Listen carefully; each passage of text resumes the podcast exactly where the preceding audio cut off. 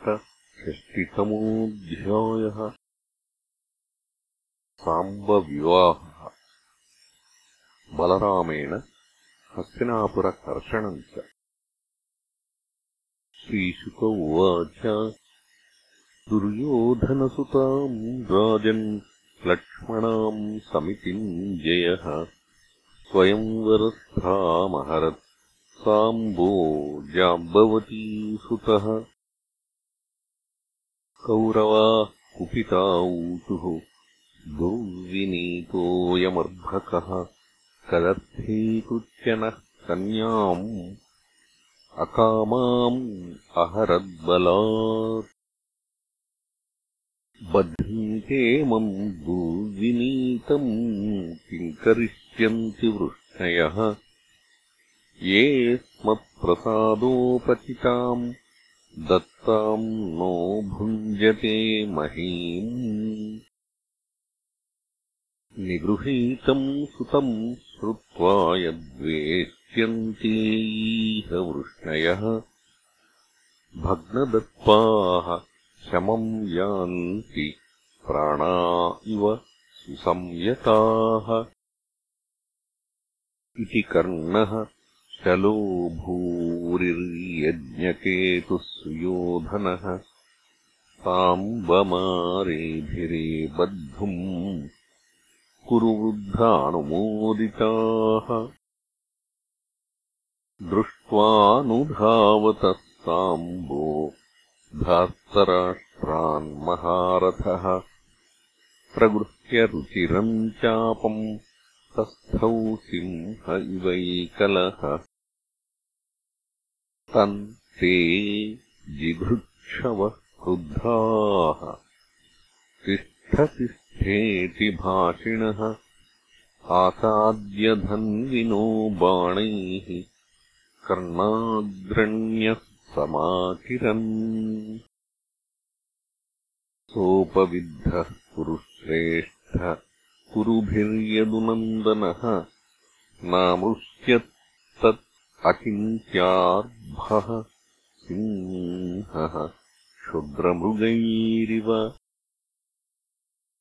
विस्फूर्ज्यरुचिरम् चापम् सर्वान् विव्याधसायकैः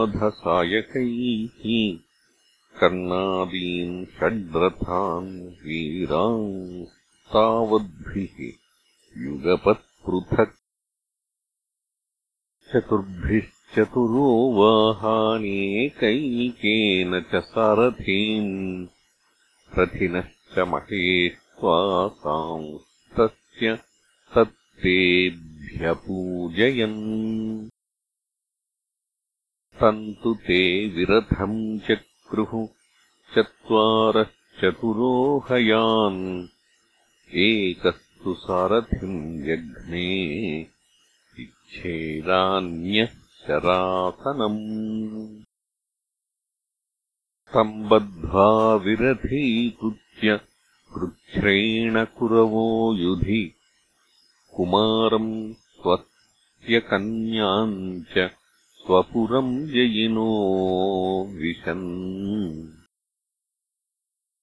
तच्छ्रुत्वा नारदोक्तेन राजन् सञ्जातमन्यवः कुरून् प्रत्युद्यमम् चक्रुः उग्रसेन प्रचोदिताः। सान्त्वयित्वा तु तान् रामः सन्नद्धान् वृष्णिपुङ्गवान्। नैच्छत्कुरूणाम् वृष्णीनाम्। कलिम् कलिमलापहः। जगामहाः किनपुरम् रथेनादित्यवर्चसा ब्राह्मणैः कुलवृद्धैश्च वृतश्चन्द्रैव ग्रहैः गत्वा गजाह्वयम् रामो बाह्योपवनमास्थितः उद्धवम् प्रेषयामास धृतराष्ट्रम् बुभुत्सया सोऽभिवन्द्याम्बिकापुत्र सुमित्रम् भीष्मम् द्रोणम् च बाह्लिकम् दुर्योधनम् च विधिवत् राममागतमब्रवीत्। तेति प्रीतास्तमाकर्ण्य प्राप्तम् रामम् सुहृत्तमम् समर्चयित्वाभिययुः सर्वे मङ्गलपाणयः। तम् सङ्गम्य यथा न्याय्यम् गामर्घ्यम् च न्यवेदयन् तेषाम् ये तत्प्रभावज्ञाः प्रणेमुः बलम् बन्धून् कुशलिनः श्रुत्वा पृष्ट्वा शिवमनामयम्। परस्परमथो रामो बभाषे विक्लवम् वचः। उग्रसेनः क्षितीशेषो यद्व आज्ञापयत्प्रभुः तदव्यग्रधियः श्रुत्वा कुरुध्वम् मा विलम्बितम् यद्यूयम् बहवस्त्वेकम् जित्वा धर्मेण धार्मिकम्। अबध्नीताथ तन्मृष्ये बन्धूनामैक्यकाम्यया वीर्यशौर्यबलोन्नद्धमात्मशक्तिसमम् वचः। पुरवो बलदेवस्य निशम्योचुः प्रकोपिताः।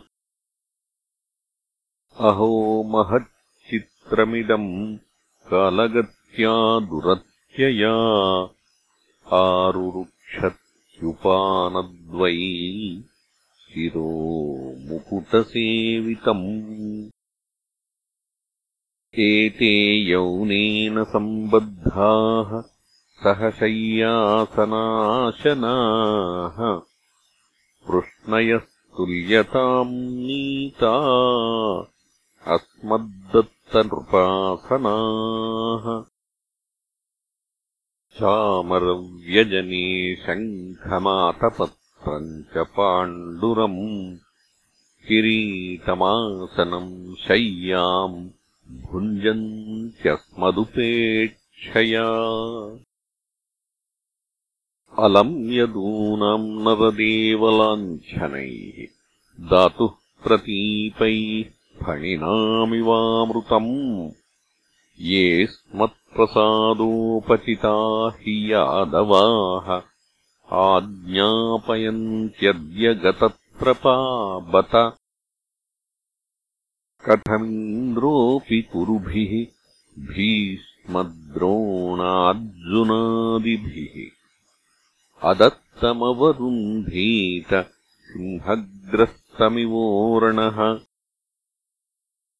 श्रीशुक उवाच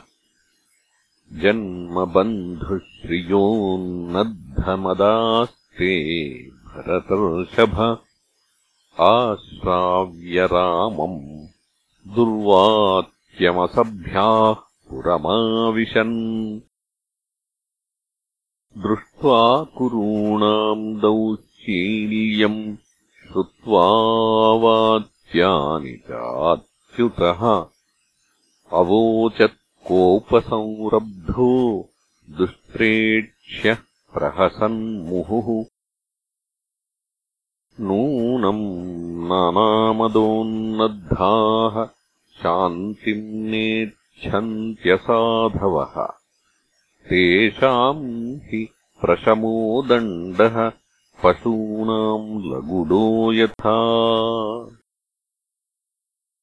अहो यदून् सुसंरब्धान् कृष्णम् च कुपितम् शनैः सान्त्वयित्वाहमेतेषाम् शममिच्छन्निहागतः।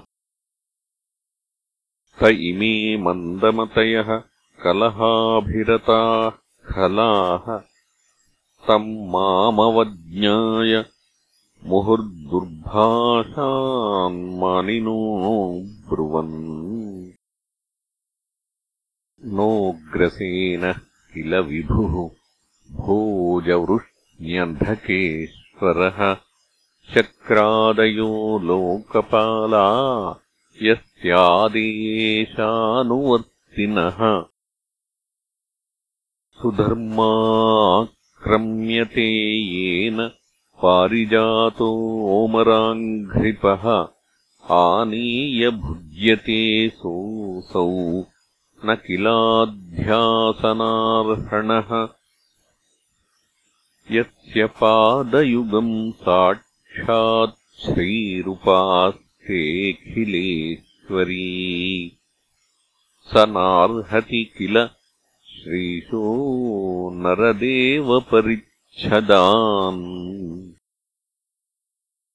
यस्याङ्घ्रिपङ्कजरजोऽखिललोकपालैः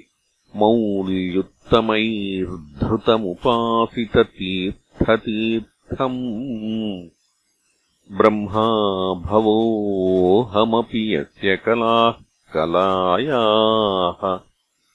श्री चोद्वहेम चिरमस्य नृपासनम् क्व।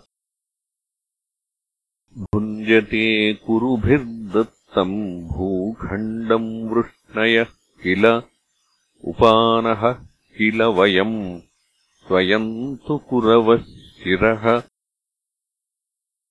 अहो ऐश्वर्यमत्तानाम् मत्तानामिव मानिनाम् असम्बद्धा गिरो रूक्षाः कः सहेतानुशासिता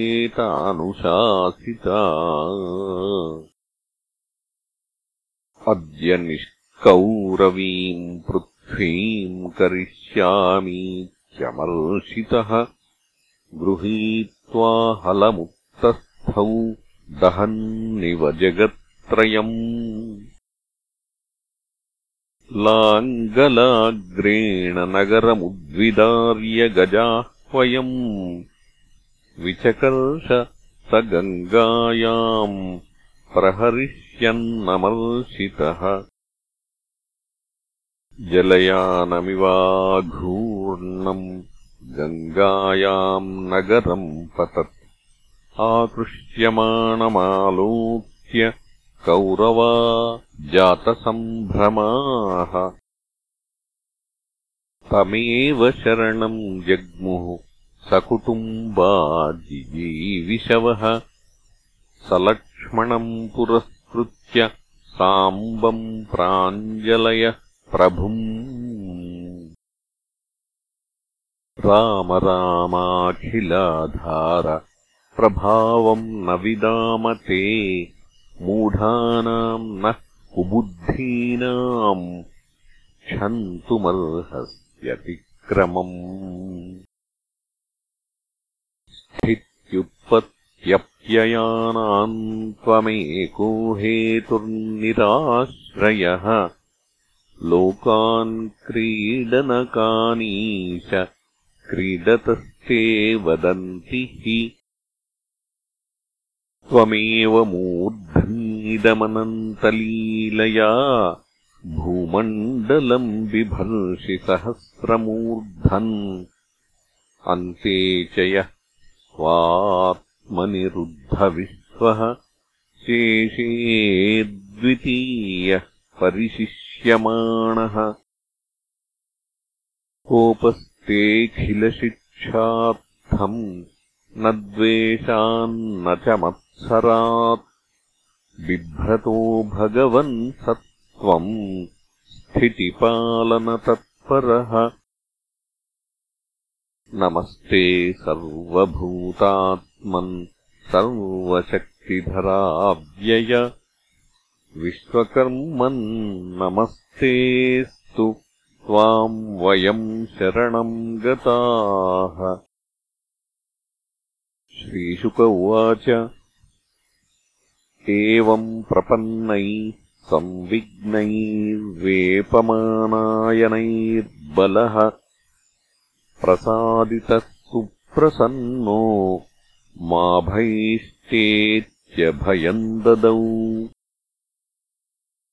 दुर्योधनः पारिबर्हम् कुञ्जरान् षष्टिहायनान् ददौ च द्वादशशतान्ययुतानि तुरङ्गमान् रथानाम् षट्सहस्राणि रौक्माणाम् सूर्यवर्चसाम् दासीनाम् निष्ककण्ठीनाम् सहस्रम् दुहितृवत्सलः प्रतिगृह्यतु तत्सर्वम् भगवान् सात्वतर्षभः ससुतः सस्नुषः प्रागात् सुहृद्भिरभिनन्दितः। ततः प्रविष्टः स्वपुरम् हलायुधः समेत्यबन्धूननुरक्तचेतसः शशंस सर्वम् यदुपुङ्गवानाम् मध्ये सभायाम् पुरुषु स्वचेष्टितम् अद्यापि च पुरम् ह्येतत् सूचयद्रामविक्रमम् समुन्नतम् दक्षिणतो गङ्गायामनुदृश्यते इति श्रीमद्भागवते महापुराणे पारमहंस्याम् संहितायाम् दशमस्कन्धे उत्तरार्धे अष्टषष्टितमोऽध्यायः